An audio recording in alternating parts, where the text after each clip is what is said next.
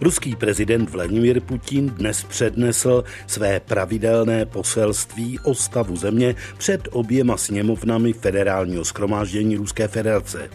Proč ale krátce poté podala ruská vláda demisi? Nakolik může případná ústavní úprava ochránit naše vodstvo?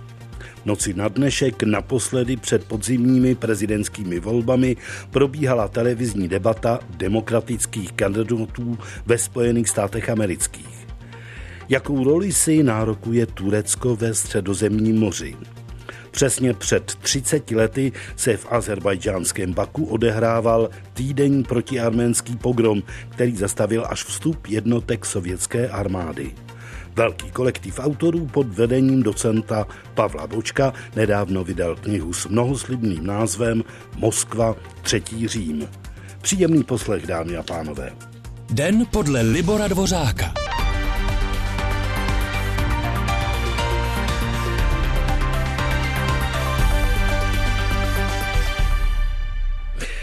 Jen pár hodin poté, co ruský prezident Vladimír Putin před zákonodárci země už po 16. přednesl tradiční poselství o stavu Ruské federace, rezignovala ruská vláda. Konec kabinetu oznámil premiér Dmitrij Medveděv s tím, že pokládá za správné podat demisi na pozadí návrhu ústavních změn, které předložil premiér Vladimír, prezident Vladimír Putin. Ten vedle plánovaných změn ústavy mluvil mimo jiné o tom, jak chce zemi zlepšovat, sociální podmínky, s nimiž je podle průzkumů nespokojená značná část Rusů. A mým prvním hostem je politolog a vysokoškolský pedagog Karel Svoboda. Karle, zdravím tě. Ahoj, Lebore. Proč podle tvého soudu, a musíme začít tím, protože mi to připadá vlastně na celém dnešním moskevském dění nejzajímavější, eh, podala vláda demisi a jakou souvislost by to mohlo mít s projevem Vladimíra Putina? Tak já se přiznám, že pro mě to bylo taky překvapení. Já jsem samozřejmě dohledával všechny ohlasy, které, které k tomu mohly být a moc moudrý jsem z toho nebyl. Ona Medvěděvova vláda byla dlouhodobě nepopulární, hlavně z důvodu sociální situace. Známe ty Medvěděvovy výroky typu peníze nejsou, ale držte se, a které nebyly zrovna citlivé, takže a ta nepopularita tam samozřejmě může hrát roli tím, že ten tón byl výraz, výrazně sociální, tak to pravděpodobně může být jedním z těch důvodů, ale on dokonce Putin tedy, když děkoval té vládě, tak říkal, no ne úplně všechno se hmm. povedlo, hmm. takže já bych typoval, že to bude že to bude ten, ten důvod. Jinak jako je to samozřejmě prazvláštní prezident něco řekne, nadhodí, nicméně tak jako nezávazně a ještě mluví o tom, že se to vlastně, o tom vlastně bude hlasovat a já nevím, co všechno. A premiér už na to reaguje ve stylu, je to téměř hotová věc a my musíme rezignovat. Tak je to samozřejmě takové zvláštní, ale tady těch názorů se vyrojí, vyrojí opravdu spousty. Eh, Karle, k samotnému Putinovu poselství, které zřejmě bude eh, tímto aktem Medvěděvovy vlády zastíněno. Zpravidla zaznívalo až počátkem jara, proč tentokrát hned na začátku roku? Tak to úplně jasné taky není. Um, on, on vlastně ten hlavní argument byl, že je vlastně nelogické, aby nějaké poselství mm, zaznělo někdy v březnu nebo v dubnu, že to poselství má zaznít buď to v prosinci jako schrnující, anebo v lednu jako naopak plán do budoucna. Takže tohle to bylo udáváno za ty hlavní důvody, jinak z těch, z těch věcí, které jsem slyšel, četl, tak to bylo dáváno do souvislosti s oslavami 75. letého výročí konce druhé světové války a já nevím čeho všeho, ale já bych se ani nedivil prostě tomu, že byl ten plán jakoby do nového roku oznámit, oznámit co nejvíc plánů a ukázat, že vlastně Putin je ten, kdo hýbe tou zemi jako předu. Eh, Karle, eh, už předem bylo jasné, že Eh, v hlavní váhu Putin bude klást na sociální aspekty a on dnes opravdu velkoryse sliboval, sliboval tak velkoryse, že ex-minister financí Alexej Kudrin řekl, že to bylo nejdražší poselství, jaké zažil, ovšem nikoli pro jeho srdce, ale pro ruský státní rozpočet. Eh, proč si myslíš, že byl takový důraz kladen eh, právě na ty sociální ohledy a proč bylo naslibováno opravdu tolik, o čem Alexej Kudrin řekl, že něco takového se nedělo ani za Sovětského svazu. Tak ono jsou to dvě, dvě věci. Ta jedna věc je ta, že nespokojenost roste a, a lidi, lidi prostě štve to, že a vlastně ta země dobývá nové a nové úspěchy v zahraničí, že neustále poslouchají, jak jejich reálné mzdy rostou a pak vidí tu realitu, hmm. která prostě taková není. Druhá věc je ta, že to, ta sociální opatření jsou za A logická a za B, za B poměrně potřebná, protože tam, když se podíváš na to životní minimum, to je 11 tisíc hmm. rublů, to je něco pod 4 tisíce korun. To není k žití ani v Rusku.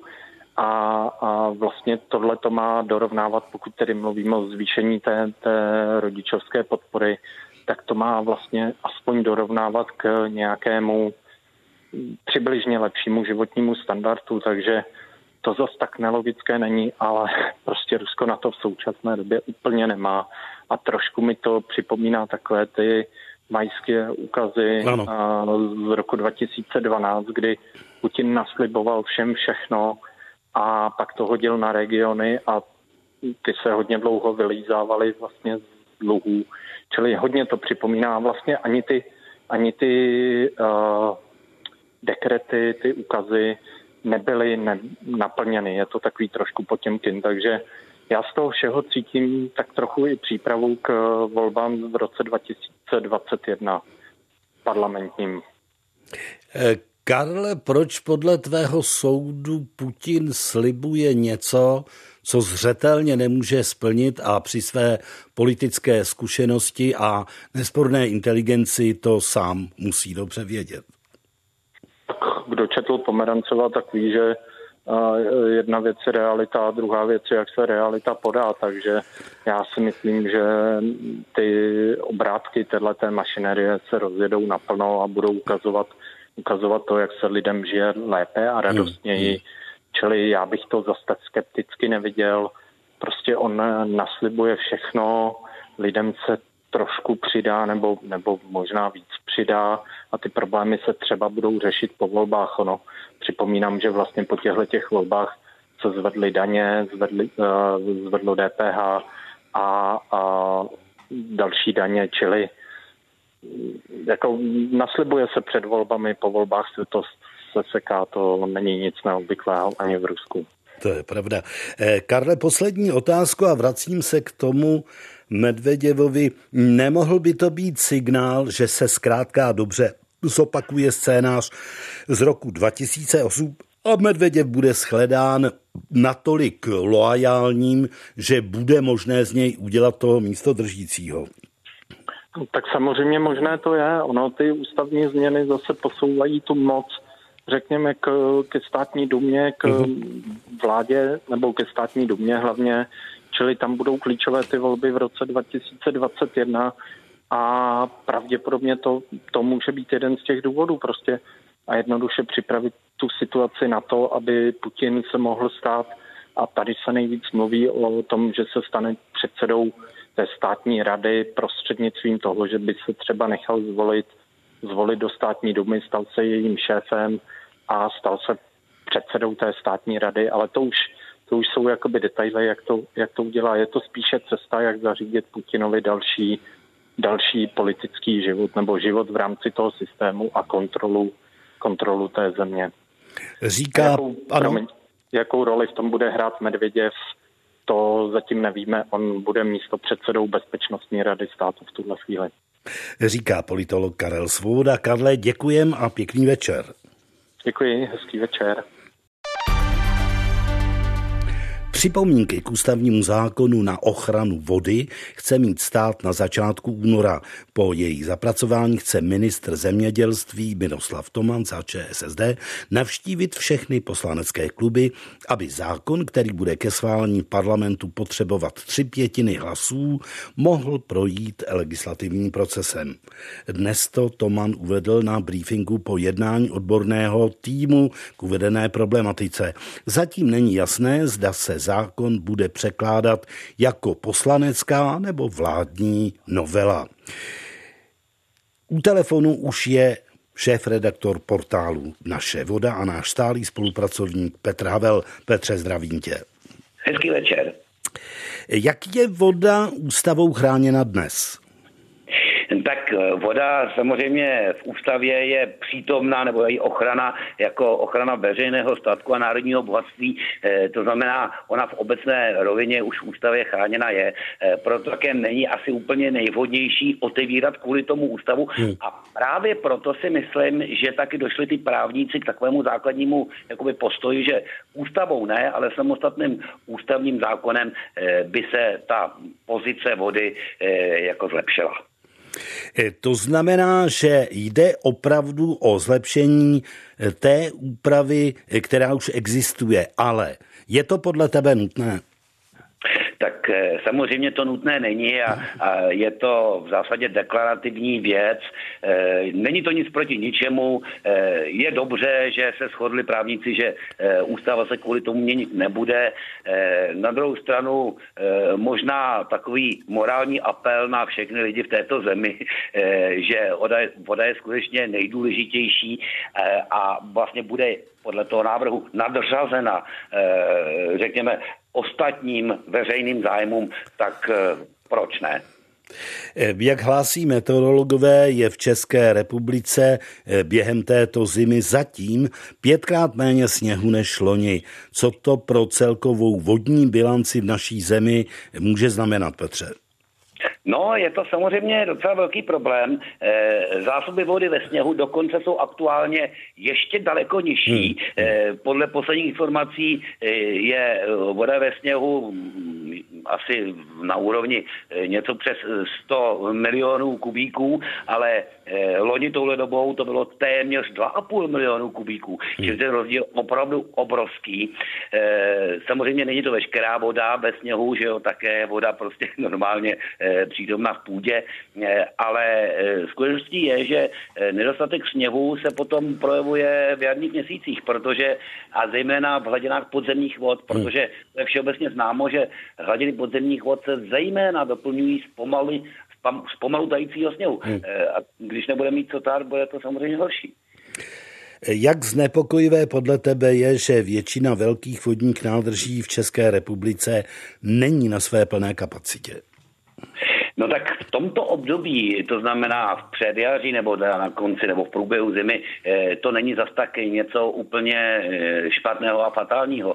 Eh, v to, právě v tom období se některé přehrady i cíleně vypouštějí tak, aby když by začal tát ten sníh, který teda není, anebo vůbec byly nějaké větší srážky, tak aby se, aby se právě jakoby snižovalo riziko povodní. Kromě toho některé přehrady jsou v této chvíli nějakým způsobem rekonstruovány docela bych možná uklidnil eh, posluchače, eh, kteří jezdí kolem Orlíku. Ten je v současné době na vůbec nejnižší hladině eh, všech dob.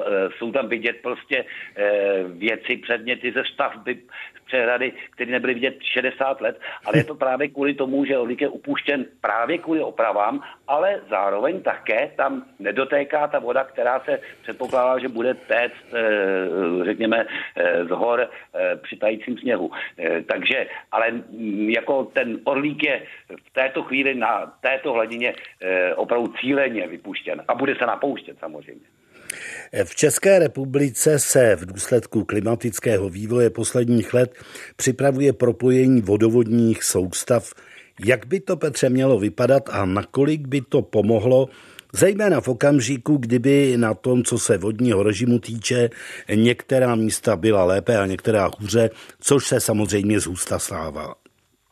Tak je samozřejmě, dlouho se čekalo na to, jestli stát nějaké investice do té páteřní vodovodní soustavy dá nějakým cíleným třeba dotačním titulem. To znamená, je to velmi dobré rozhodnutí, to správné rozhodnutí mělo přijít už i dřív.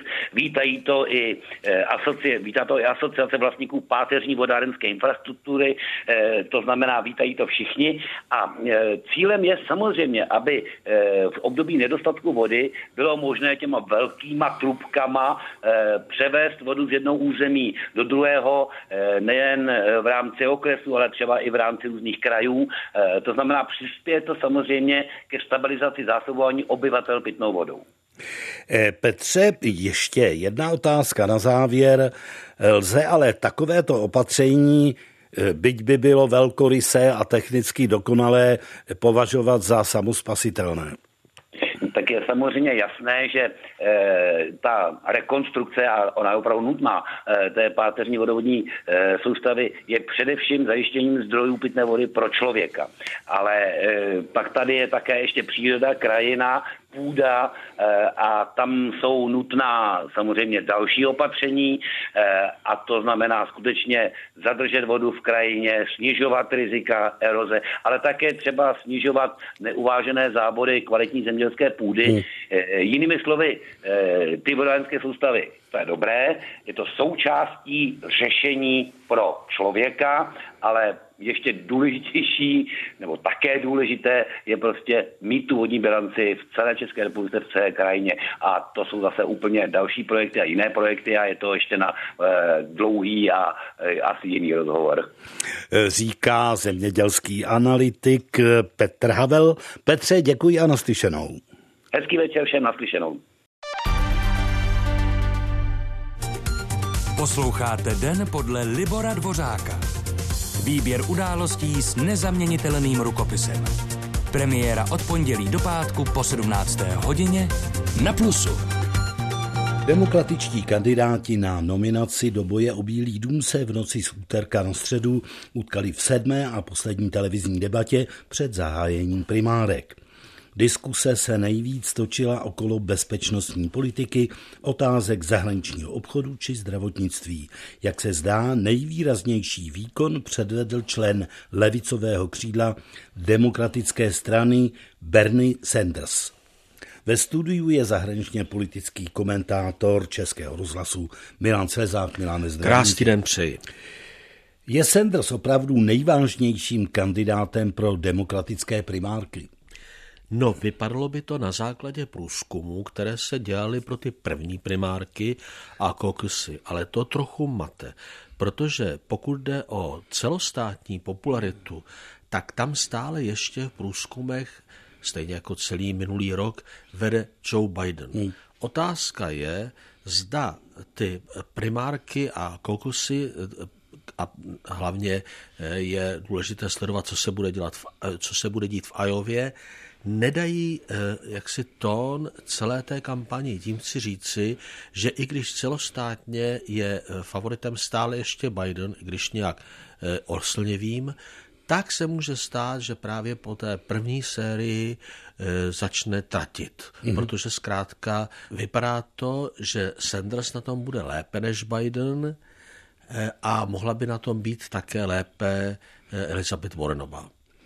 Velká část debaty byla věnována zahraniční politice, zatímco představitelé levicového křídla Sanders a Warrenová by stáhli americké vojáky z Blízkého východu, Biden i Klobučarová by je zde ponechali. Ostatně nakolik řadového američana zahraničně politická problematika vůbec zajímá. Mnoho desetiletí odborníci na americkou politiku tvrdí, že zahraniční politika v zásadě američany jako voliče nezajímá. Začne zajímat pouze v tom případě, že se prezidentovi něco nepovede, nebo že se jich to začne týkat, že se bojí války a podobně, nebo že stojí za svým prezidentem, který šel do války, která je vnímána jako válka spravedlivá. Eh, ale eh, jinak platí eh, ve většině případů, že to, co rozhoduje, je ekonomika. A kdyby rozhodovala pouze ekonomika, tak Donald Trump má zaručeno, že vyhraje volby, protože americké ekonomice se nyní velice daří. Eh, mimochodem, Sanders se snažil zdůraznit, že na rozdíl od Bidena v roce 2002 nezvedl v kongresu ruku pro invazi do Iráku. Krok, který sám bývalý americký viceprezident označil za chybu. Je to důležité? Eh, já myslím, že není. Hm. To by, to by začalo být důležité v případě, že by se z Iráku stala past, že by tam začali znovu umírat ve velkém američtí vojáci. Zatím to přes ty ojedinělé incidenty tak nevypadá. A mimochodem Joe Biden ten útok odrazil velice umně, když řekl, že on sice hlasoval pro válku v Iráku, ale na druhou stranu, že byl viceprezidentem za Baracka Obamy, který jako vrchní velitel americké armády americké vojáky z Iráku vyvedl. Oni se tam od té doby zase vrátili, to víme, ale to bylo z jiného důvodu, to bylo kvůli růstu moci islámského státu. S ním si v té době nevěděla rady irácká armáda, která naopak před ozbrojenci islámského státu v děsu prchala a zanechávala mu k volnému použití vojenskou techniku, mimochodem většinou americkou. No. Milane, jakým tématem byla americká obchodní politika vůči Číně, mimochodem téma dnešního dne? Americká obchodní politika skutečně eh, tématem té debaty byla, ale ono nešlo ani tak specificky o Čínu. To je spíše téma Donalda Trumpa, jako spíše o to, jaká by měla být americká zahraniční obchodní politika. Zda by měla být více uzavřenou, protekcionistickou, jak si to třeba přeje Bernie Sanders, a nebo by se měla více spolehat na volný obchod. S tím souvisí spor, který eh, uchazeči o demokratickou prezidentskou kandidaturu vedli v té televizní debatě. Zda američanům prospěje ta nová verze třístrané obchodní dohody o o investicích a volném obchodě, kterou eh, pod tlakem eh, Donalda Trumpa minulý rok uzavřeli Spojené státy, Kanada a Mexiko. Eh, a proti byl samozřejmě Bernie Sanders, který je hm, představitelem nejenom toho levicového křídla mezi demokraty, ale také toho hodně protekcionistického křídla. Milade, další doslova bolavé téma americké zdravotnictví. Ano, samozřejmě. To je věc, kde známe pozice jednotlivých kandidátů, víme, kdo stojí na středu, kdo by to zdravotnictví daleko více reformoval. Ti, kteří by ho daleko více reformovali, to znamená paní Vorenová a mm, Bernie Sanders, jsou často obvinováni, že neříkají, kde by na tu reformu vzali peníze. Ale to bylo spíše téma jiný debat. Tentokrát se eh, největší váda strhla o vztah k Iránu a k Iráku. Primátorky se rozběhnou už 3. února v Ajově. Co říkáš názoru, že ať je demokratickým kandidátem kdokoliv, proti Trumpovi stejně nemá šance. V Ajově to budou hlavně ty kokusy, o kterých jsem mluvil. To je taková specifická forma hlasování, v němž se vlastně hlasuje tělem, hmm. protože v té místnosti se vytvoří hloučky a někdo, kdo stojí třeba v tomto případě za Joe Bidenem, k sobě volá ty, ty, ty voliče, kteří jsou v té místnosti a někdo zase jiný, kdo by podporoval Elizabeth Warrenovou, bude k sobě volat ty o, e, kteří by chtěli e, volit Warrenovou. Zkrátka, ono se to pak odhaduje podle toho, kolem, e, kolik lidí se kolem ano. toho reprezentanta nakupí a to, tím se to právě liší od primára, kde se vysloveně hlasuje. To je takový starý americký tradiční způsob, a ten, to slovo kokos je americké, eh, eh, amerických indiánů, takže se odkazuje i na tradici tímto způsobem. Ale bude to velice zajímavé, protože Biden, jak už jsem řekl, je celostátně v těch průzkumech na tom lépe než ostatní kandidáti už také dosahoval téměř 40% popularity v jednu dobu a jeho popularita málo kdy klesá výrazně pod 30%, zatímco třeba Elizabeth Warrenová nebo Bernie Sanders mají co dělat, aby, přesáhl, aby přesáhli tu 20% podporu. Ale specificky právě v Ajově a v některých dalších těch prvních hlasování to s Bidenem nevypadá příliš dobře. A teď jde o to, zda ustojí ten očekávaný propad v těchto prvních státech a zahojí se potom v další hlasování, anebo zda se to s ním lidově řečeno takzvaně poveze. Poslední otázka, prosím o stručnou odpověď, Milane, když už jsme se dostali k současnému americkému prezidentovi, jak si stojí v otázce impeachmentu? No, e, zatím dobře a nepředpokládám, že si bude stát špatně. Ty si chtěl stručnou odpověď, pokud dnes, to je ve středu, sněmovna reprezentantů schválí postoupení té kauzy Senátu, tak to bude znamenat, že v Senátu zřejmě ta kauza skončí, protože víme, že v Senátu mají většinu republikáni a že demokraté neseženou dostatečný počet hlasů, téměř jistě, nic se samozřejmě nedá tvrdit stoprocentně, na to, aby ten impeachment dovedli k vítěznému konci a aby Senát, nebo jenom on to může udělat, Trumpa odsoudil. Říká kolega Milan Slezák. Milané, děkuji a pěkný večer. Děkuji za pozvání. Jak americký velvyslanec v Řecku Jeffrey Payet, tak ministerstvo zahraničí Spojených států amerických považují turecké chování ve východním středomoří za neproduktivní a nekonstruktivní. Řecko a USA už proto zřídili horkou linku k probírání tureckých kroků ve východním středomoří. Ty často budí v celém regionu značné obavy. Ve spojení jsme s Tomasem Kulidakisem, spolupracovníkem Českého rozhlasu pro Balkán a východní středomoří. Tome, zdravím tě. Dobrý den. Co především ostatním státům ve východním středomoří na tureckém chování vadí? Úplně nejčerstvěji jim tedy vadí to, že Turecko uzavřelo s mezinárodně uznávanou vládou v Líbii, tedy s vládou eh, premiéra Saráže, která sídlí v Tripolisu, eh, dvě dohody, dvě ujednání, z nich jedno se týká vojenské spolupráce a to druhé se týká vytyčení vzájemných námořních hranic, eh, což tedy odsoudili všechny státy regionu, v podstatě kterých to týká, to znamená Řecko, Kypr, Izrael, Egypt. A také tu dohodu vojenské spolupráci, tak tomu se přidal pak v podstatě celý svět, to znamená Turecka se v tomto kromě Sarážova kabinetu, kterému by to mělo pomoct, nikdo, nikdo nepřidal. Tak to je jedna věc. A druhá věc je, ono to vlastně bylo vyvrcholení těch sporů dlouhodobějších.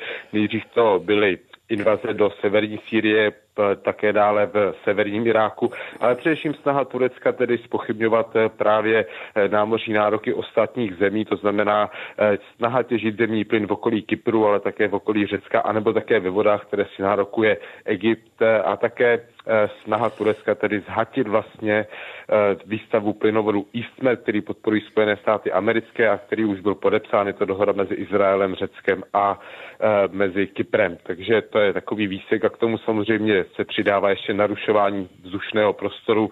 Například jenom včera došlo k 91 narušením vzdušného prostoru tureckými stíhačky eh, Řecka.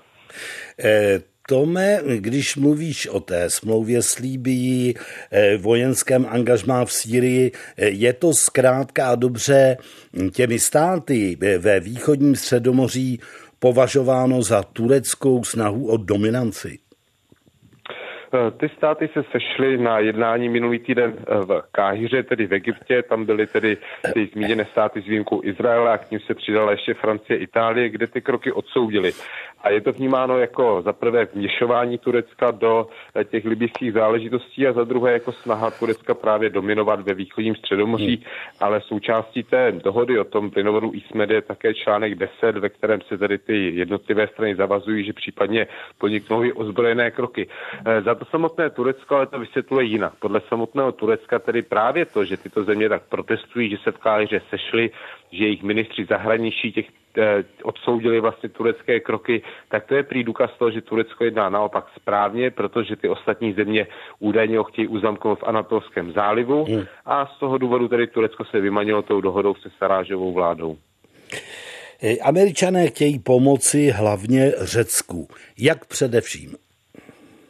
No tak zaprvé tedy je to už to zmíněné uh, zřízení té horké linky a mhm. vyvinutí mm-hmm. diplomatické iniciativy, protože zástupce americké vlády by měl teď začít cestovat právě po regionu, což tedy dělal naposled opět minulý týden, kdy byl na Kypru. Uh, a vlastně každý měsíc je zde ministr zahraničí anebo nějaký uh, zmocněnec právě pro tento region, takže to je za prvý. Za druhé, Řecko by mělo být zařazené do programu F-35, to jsou ty stíhačky poslední generace, které byly odbítnuty Turecku za S-400. No ale pak je tam dichotomie mezi právě prezidentem Trumpem, který vysílá smíšené signály, a mezi kongresem a ministerstvem zahraničí, protože zatímco kongres vyzývá Eh, k sankcím, už vlastně schválil případnou přípravu sankčního režimu vůči Turecku, přijal vlastně také eh, americký kongres, který zákon o tom plynou Eastman, kde ho jasně podporuje.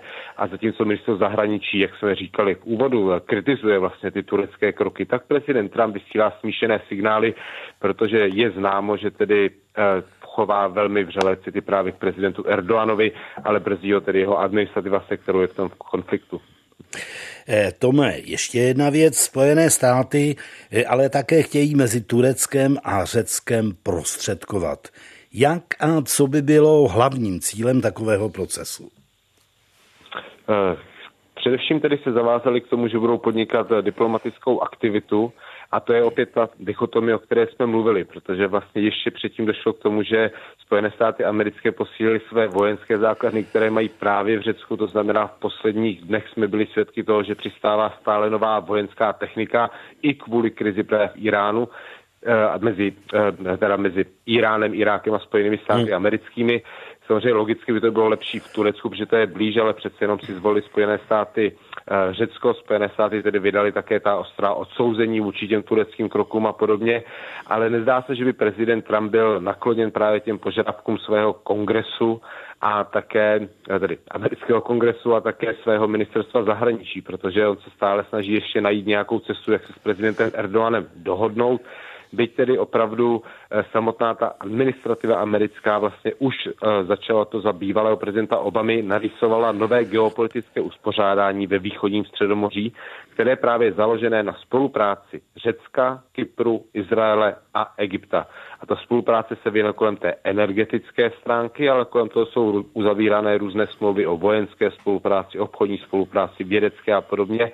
Takže vlastně když se to podíváme z tohoto pohledu, tak eh, to vypadá, že ano, Turecko má pravdu, začíná být obkličováno ze strany východního středomoří, ale kdyby nedošlo k těm krokům, včetně, eh, včetně nákupu S-400 anebo neustálého vyhrožování migrací a tak podobně, tak je, nebo třeba zatčení amerického pastora, tak je možné očekávat, že by se tato situace nestala, kdy opravdu ty státy aktivně spolu začaly spolupracovat, vědomi si toho nebezpečí. Samozřejmě je tady jedna možnost, Turecko to dalo jasně najevo, kdyby ho ty státy ostatní přibrali k té spolupráci, tím si myslí i Spojené státy americké, k té spolupráci na těch zásobách zemního plynu, tak Turecko by údajně tedy se chovalo jinak.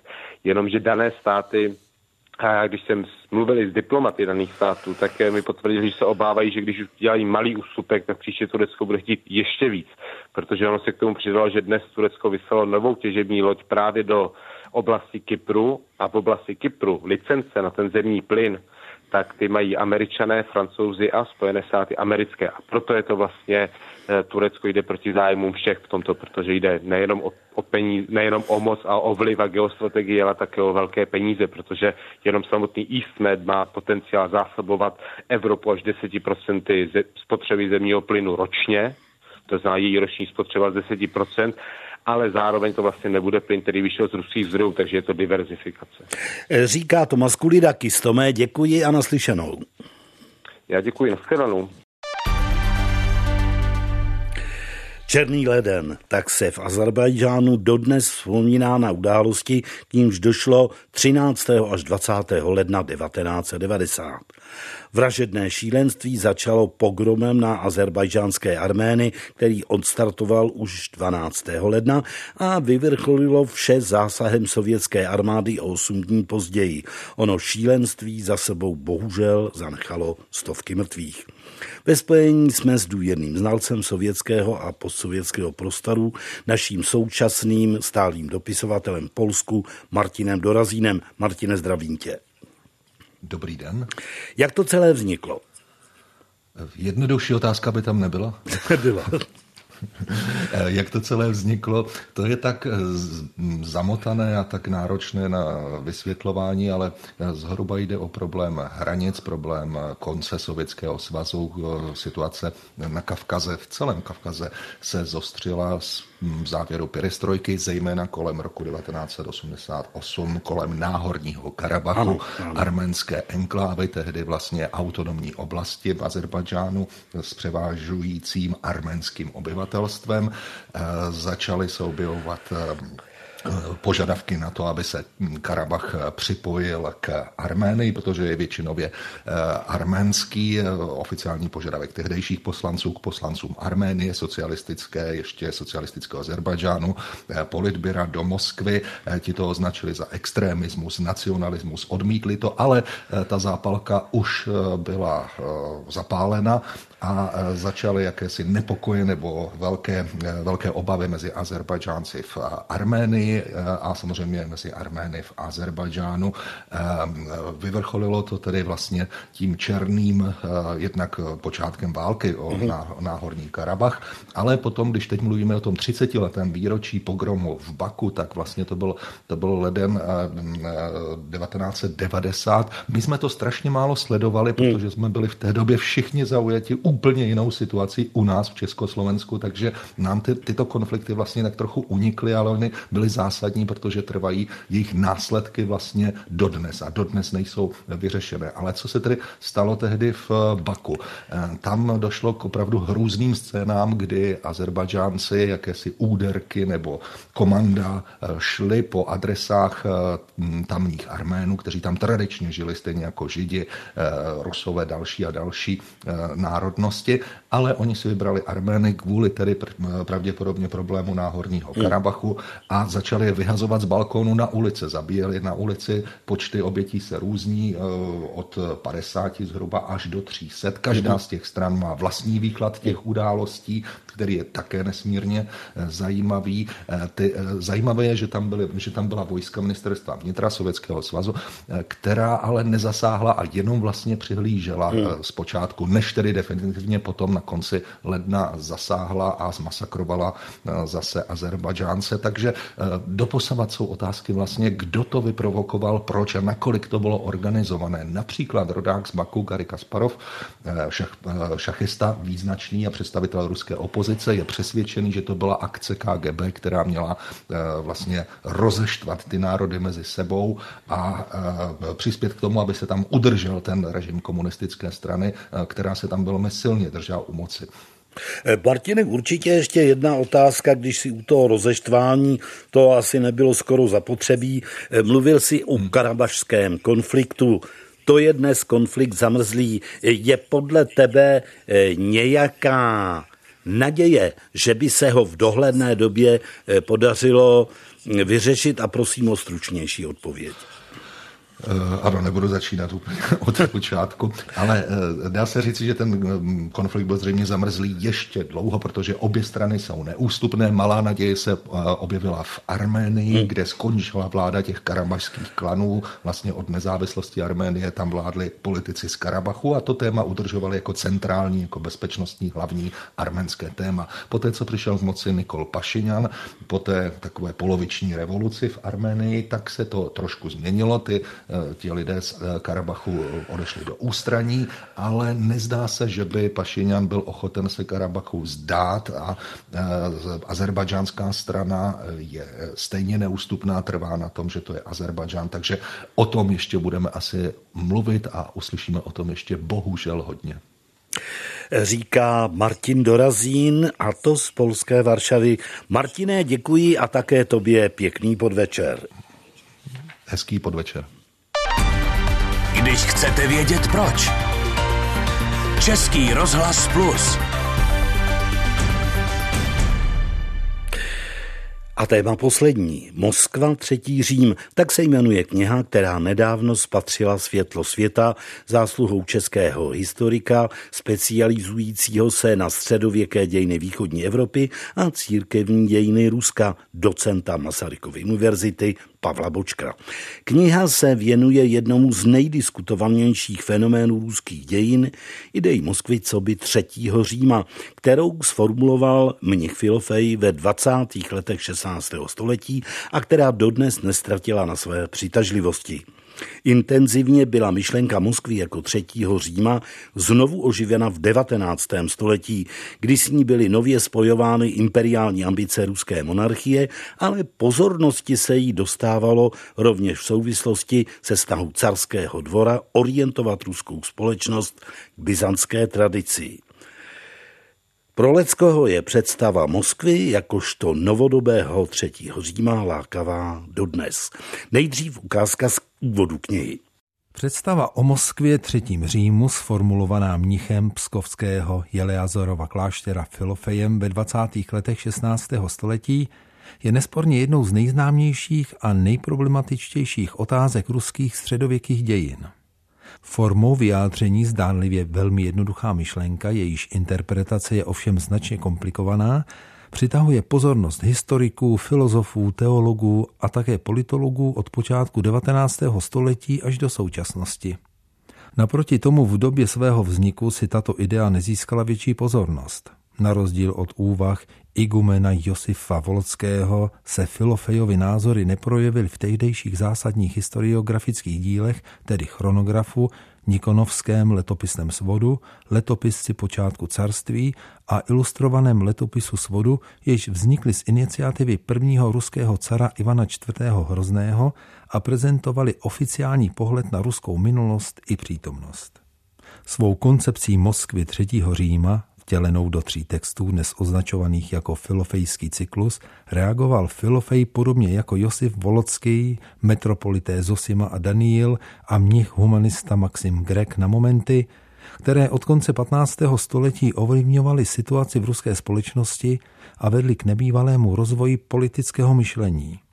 V prvním a nejobsáhlejším textu Poselství proti hvězdopravcům a latiníkům Filofej vysvětloval velkoknížecímu diakovi ve Pskově, misiuru Moněchinovi, neopodstatněnost obav z konce světa, jež se v té době na Rusi velmi rozšířily.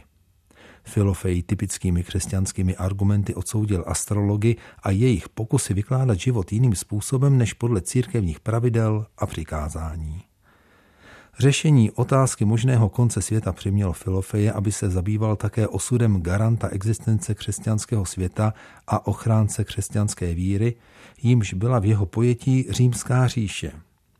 Byl přesvědčen, že římskou říši nelze zničit, protože se sám Kristus svým narozením vepsal do jejich dějin. S odvoláním na slova apoštola Pavla navíc věřil, že je Řím věčný. Shledal však, že římskou říši už dvakrát ohrozili lidé, kteří nedbali božích přikázání. První Řím přestal podle Filofeje plnit úlohu záštity křesťanského světa vzhledem k tomu, že se zdejší křesťané nechali přelstít císařem Karlem a papežem Formosem a upadli do Apolináriova kacířství. Většiná římská říše se poté přesunula na východ a druhým Římem se stala Konstantinopol. Tu vydal Bůh do rukou nevěřících, protože byzančtí představitelé podepsali církevní unii a podřídnili se latiníkům. Východisku ze situace nalezl pskovský mnich v existenci nynějšího pravoslavného carství, spravovaného nejjasnějším a nejzbožnějším gasudárem. Přesvědčení o zásadní dějné úloze moskevského carství ho přitom vedlo k závěru, že třetím Římem je Moskva – všechny křesťanské říše zanikly a sešly se do jediné říše našeho gasudára, ta se podle proroctví stává římskou říší. Dva Římy padly, třetí stojí a čtvrtého nebude. A u telefonu, pevně doufám, už je vedoucí autorského kolektivu docent Pavel Boček z Brněnské Masarykovy univerzity. Dobrý večer, pane docente.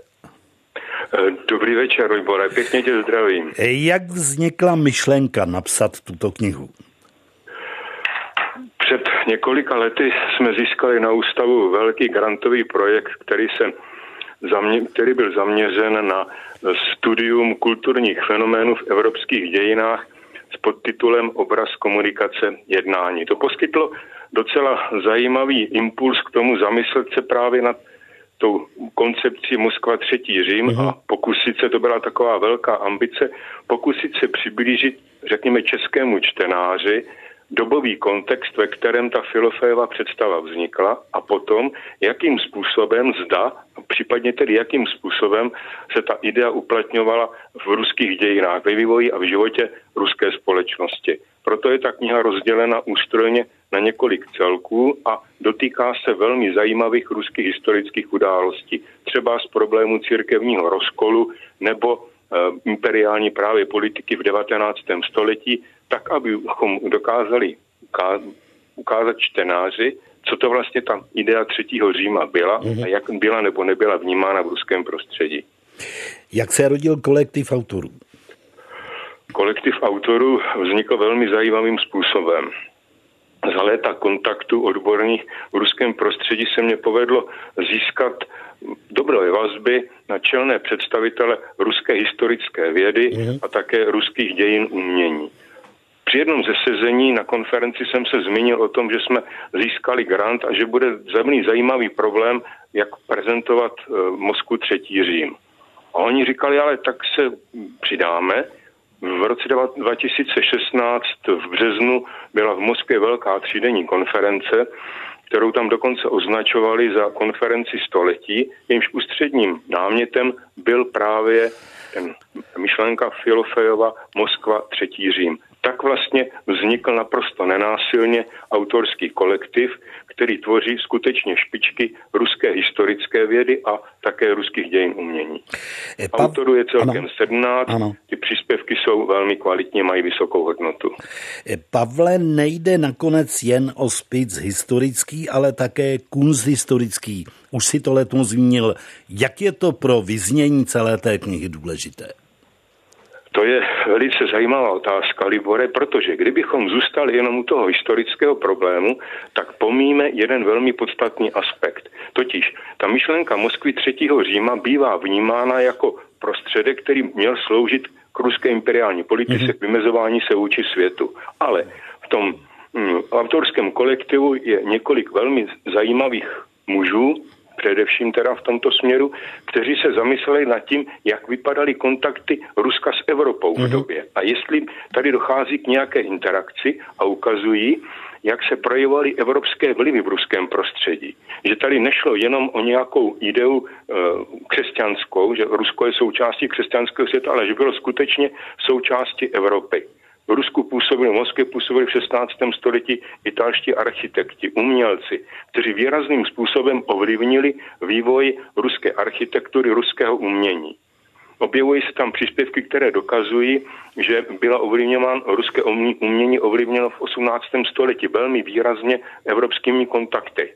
O to šlo také ukázat, že ten třetí Řím skutečně není něčím, co má Moskvu vymezit vůči světu a podněcovat její imperiální politiku, ale že to je naopak tendence začlenit opravdu Moskvu se vším všudy do křesťanského světa. S tím bude souviset moje otázka pro docenta Pavla Bočka. Jak ty sám vnímáš slogan Moskva třetí Řím poté, co si právě řekl, ale můžeme to vnímat jako jakousi kvintesenci eh, tradičního ruského mesianismu, který žije v Rusech, myslím v některých dodnes? Zcela nepochybně ano, Libore. Protože 16. století je dobou, kdy se Rusko staví na svoje posvržení tatarského a řadě dalších, řešení řady dalších problémů se Rusko staví s prominutím na svoje vlastní nohy. Hmm. A jednou z těch opor je právě pravoslavná víra. Oni eh, základním ideou Filofejou bylo přimět ruského cara, aby si uvědomil, že je odpovědným za pravoslavnou víru, aby nebyla ohrožena její existence. Čili on přispívá k tomu, aby se pravoslaví stalo skutečným fenoménem v životě ruské společnosti a vede samozřejmě také k tomu, že jsou rusové pišní na to, že jsou jediní, kdo vyznávají tu jedinou pravou a správnou křesťanskou víru, tedy víru pravoslavnou. Nepochybně máš Livore pravdu, ano, je to kvintesence ruského mesianismu, nebo jeden z kořenů, které vedou k sformování ruského mesianismu. To zcela nepochybně ano. Eh, říká brněnský historik, docent Pavel Boček a konto knihy Moskva třetí Řím. Mimochodem mohu každému jen doporučit. Pavle, děkuji mnohokrát a pěkný večer do Brna. Libore, děkuji za pozvání, pěkný večer všem tobě a posluchačům. Naschledanou.